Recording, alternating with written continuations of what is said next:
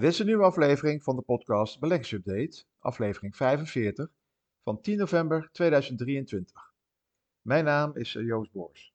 elke week een kort overzicht over de beurs, beleggen, aandelen, nieuws en vermogensopbouw. Ook, eh, ook elke week een praktijkcasus. Nou, deze week uh, iets meer over de hype van het afslankmiddel Ozempic. Ja, ja, de afgelopen dagen was wel een beetje het nieuws dat Warren Buffett, de 100-jarige sterbelegger, 150 miljard dollar cash heeft staan in zijn beleggingsfonds, Berkshire Hathaway. Ja, dat is ongeveer 157 miljard dollar. Dat is een, eh, nieuw record. Dat blijkt uit de derde kwartaalcijfers die hij afgelopen uh, zaterdag bekend maakte. Ja, stijgende rentetarieven en het feit dat uh, dus die Warren Buffett geen winstgevende investeringsmogelijkheden kan vinden, spelen hierbij een rol. Al dus het beleggingsfonds. De geldhoeveelheid zit uh, voornamelijk in kortlopende staatsobligaties. En bereikt eigenlijk het hoogtepunt sinds het derde kwartaal van 2021. En toen lag het ongeveer op 145 miljard. Nou, dan weet je ongeveer hoeveel rente hij binnenkrijgt. En het resultaat viel iets tegen, omdat natuurlijk uh, Apple de laatste drie, vier maanden, dat is zijn grootste belang, Apple, ongeveer zo'n 10% is gedaald in zijn portefeuille. Nou ja, jij doet het gewoon over de afgelopen 50 jaar hartstikke goed, die oude man. Oké, de Amerikaanse consument blijft onverstoorbaar zijn geld uitgeven. Beleggers reageerden de afgelopen maanden zeer sterk op de mogelijkheid dat, uh, dat afslankmedicatie verandering in consumentengedrag teweeg gaat brengen, die de voedingsmiddelen- en drankensector zullen raken. Ja, de Amerikaanse economie toonde haar weerbaarheid in het derde kwartaal met een toch wel een fraaie economische groei van zo'n uh, eh, 4,9% op jaarbasis gesteund door die sterke consumentenbestedingen. Amerika moet het altijd hebben van consumentenbestedingen. Daar zijn ook de, de creditcard-uitgaven extreem hoog. Er wordt veel op creditcard uh, krediet uh, geleefd. En het raakt ongeveer 1 triljard aan schuld. Dus dat is ook wel een dingetje wat de komende jaren problemen kan gaan veroorzaken. Ja, ondanks dat die centrale bank de rente flink optrok naar het hoogste niveau in 22 jaar, om die hardnekkige inflatie een halt toe te roepen, blijft de Amerikaanse consument eigenlijk onverstoorbaar zijn geld uitgeven. En dat is ook het probleem voor die centrale bank. Hè. De arbeidsmarkt is uh, een beetje krap. De loonstijgingen, het uh, uitgavenpatroon, dat blijft nog steeds een beetje een dingetje waardoor die inflatie niet zo snel weer uh, daalt. Dus ehm, ja, hierdoor draait de Amerikaanse economie wel een stuk beter dan de Europese, hè, door die consumenten. Waardoor die, uh, vooral de Duitse, Ierse en Oostenrijkse economie een periode van uh, economische stagnatie lijken aan te kondigen. Ja, de koopkracht van consumenten en hun gemoedstoestand, met betrekking tot de stand van de economie, zijn belangrijke factoren voor branches die sterk afhankelijk zijn van detailhandelsbestedingen, zoals de voedingsmiddelen en dranksector. Een van de subsectoren binnen defensieve consumentengoederen, dat zijn bijvoorbeeld de Ahold en Unilevers, en Nestlé. Hoewel producenten van uh, merkartikelen nog altijd een sterke aantrekkingskracht hebben op de consument, kunnen consumenten vanwege die, die grote druk op hun uh, portemonnee ook wel kiezen om over te stappen op goedkopere alternatieven of hun inkopen doen bij uh, discounters. Dat zijn eigenlijk de Aldi's en de Actions. Dankzij die sterke marktposities zijn bedrijven in de voedingsmiddelen en drankensector er doorgaans wel goed in staat om die stijgende kosten door te berekenen aan de eindklanten. Maar daar zit dus wel eigenlijk wel ook een bepaalde limiet aan.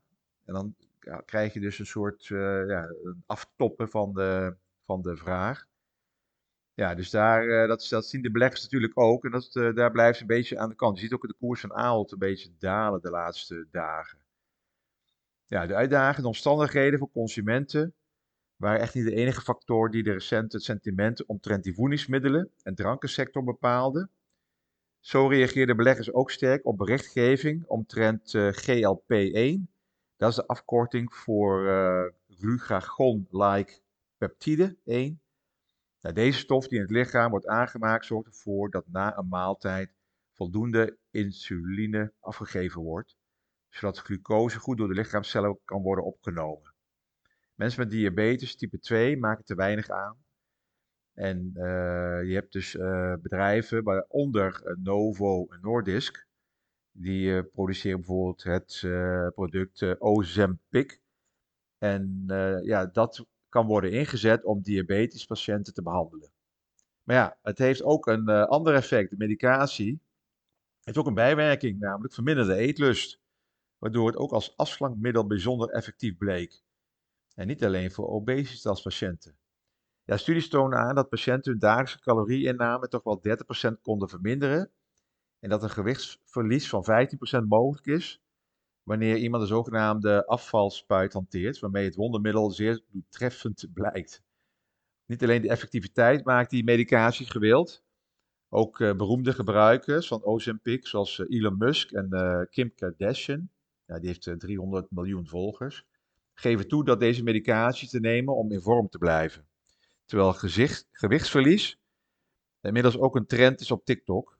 Hierdoor is het zogenaamde ja, off-label gebruik toegenomen, waardoor er regelmatig tekorten zijn van Ozempic. Dus het betekent dat iedereen dat middel is gaan, ook op de illegale markt is gaan proberen te verkrijgen. Maar ook uh, diabetespatiënten natuurlijk hierdoor plotseling zagen dat er even geen voorraad was. Ja, dus die uh, groeiende populariteit, waarom noem ik dit, van dergelijke medicaties, zou een behoorlijke verandering teweeg kunnen brengen in consumentengedrag. Uit onderzoek van JP Morgan, zo'n Amerikaanse zakenbank, die analisten, die hebben berekend en gekeken. Blijkt dus dat producenten van koolhydraatrijke producten, zoals uh, snacks, voorverpakt voedsel, chips en koolzuurhoudende dranken, het hardst geraakt kunnen worden door de verminderde eetlust van uh, consumenten. Of het enthousiasme omtrent deze wondermiddelen, waardoor uh, ook andere dingen als cola zero en light producten gemeden worden, want men, men kan gewoon eten en aan de andere kant zich volspuiten met het product van Novo Nordisk. Ja, of het enthousiasme omtrent dit soort wondermiddelen doorzet, blijft natuurlijk onzeker. Net als voor alle af, andere afvalpogingen geldt dat je er wel door moet blijven gaan. Want ja, het helpt inderdaad. Maar als je mee stopt en je blijft gewoon je levensstijl hanteren zoals je het daarvoor deed, ja, dan, dan, verandert er niks en dan komen de kilo's wel weer zo snel weer aan. Dus je moet wel je lifestyle totaal veranderen. Maar ja, ondertussen, die Deense pharma-gigant Novo Nordisk heeft in het derde kwartaal zijn winst sterk zien toenemen vanwege het populaire diabetesmedicijn Ozempic. De netto-winst steeg bijna 60% tot ruim 3 miljard euro. En vooral in de Verenigde Staten lagen de verkopen erg hoog door die grote vraag. En dat, uh, dat, waardoor ook de voorraad bij uh, de productiecapaciteit bij Novo enorm is toegenomen. Hè. Ze, uh, ze zitten tegen hun limiet aan.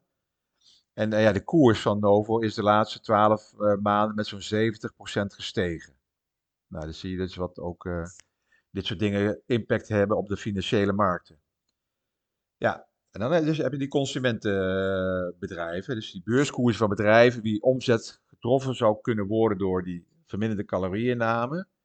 Zagen die beurskoersen in ieder geval wel wat dalen. Hè, uh, Walmart, bijvoorbeeld, die CEO zei dat uh, de gebruikers van uh, GLP-middelen minder levensmiddelen en caloriearme producten kochten. Dus minder de zero's en minder de light producten kochten.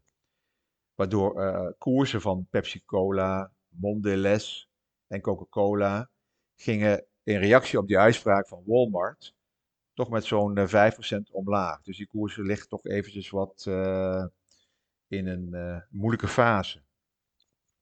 Maar ja, vooral, vooral zoals zeggen dit soort bedrijven dat ze daar ja, niet echt heel erg sterk veel impact zien. Maar ja, een bedrijf als Herbalife, dat is een heel ander bedrijf natuurlijk. Maar heeft de koers dit jaar met zo'n 12% eh, zien dalen. Ja, want als je gewoon door een prikje kan afslanken, hoef je niet uh, met Herbalife uh, een paar jaar in de slag. Hè? Ja, in Europa kan je natuurlijk ook deze specifieke sector beleggen via indextrekkers of ETF's. Je hebt uh, divers van verschillende aanbieders. En dan bedoel ik de sector. Dat is dus de sector food and beverages. Ja, dus indextrekkers proberen zo nauwkeurig mogelijk de samenstelling van een sectorindex te kopiëren, waarbij de indextrekker uh, eigenlijk het rendement van de, van de stocks Europe 600 Food and Beverage Index zo nauw gezet mogelijk volgen. En dat is de index die het hoogste blootstelling eh, biedt aan die voedingsmiddelen- en drankensector. Nou, je hebt ETS van uh, Lexor, iShares, Invesco. Er zijn gewoon diverse van deze indextrekkers in omloop. Je kan gewoon uh, googlen en zoeken op basis, consumentenbasisproducten of food and beverage index ETF'jes. En dan krijg je er genoeg. dus ik denk dat iedere bank dat wel op de schappen heeft liggen. Maar ja, die Stocks Europe 600 Food and Beverage Index is samengesteld uit ongeveer 30 posities, waarin ook wel sprake is van forse concentratie als het gaat om de gewichten van bedrijven in deze index. Zo heeft de, toppositie, uh, is bijvoorbeeld Nestlé, is ook een van de grootste in Europa, een weging van bijna zo'n 30%. Gevolgd door Diageo, dat een weging van 15%. Nou, dus je moet even kijken welke indextrekkers je kiest. Want sommige indextrekkers die passen dat wel aan, waardoor het maximale wat één bedrijf kan halen in, een, uh, in het mandje maar 20% is. En, uh, dus zo kan je gewoon overal uh, kijken wat voor jou het beste uitkomt. Ja, de prestaties binnen dit mandje lopen sterk uiteen. Hè. Over de eerste 10 maanden van 2023 koplopers zijn bijvoorbeeld British Food met 30% stijging, Salmar Zo'n, uh, ook bij zo'n 30% stijging. Uh, hekkensluiter, Remy Contro, we drinken wat minder waarschijnlijk. Bakka Frost is ook uh, lager. En uh, Calabout, volgens mij ook uit Engeland, ook zo'n 20% lager. Ook Albert Heijn is wat lager. Dus ja, het aankopen, wanneer ga je consumenten, dat is, de defensieve sector. Hè? Dit soort consumentenbasis is een defensieve sector die zouden het als de beurzen, laat zeggen, in een recessie belanden, het heel slecht gaan doen, het relatief iets beter kunnen doen dan de index. Het betekent niet dat, het, dat deze index van de specifieke sector food and beverages niet kan dalen, maar relatief betekent ten opzichte van de rest van de beurs houden ze zich redelijk stand. Nou, allemaal ingewikkeld, maar volg Nova, Noordisk maar even, gewoon voor de gein, het afslankmiddel. Oké, dank voor het luisteren. Alles op persoonlijke titel, geen direct en niet bedoeld als, als beleggingsadvies. En op uh, basis van openbaar verkrijgbare informatie. Uh, tot de volgende week.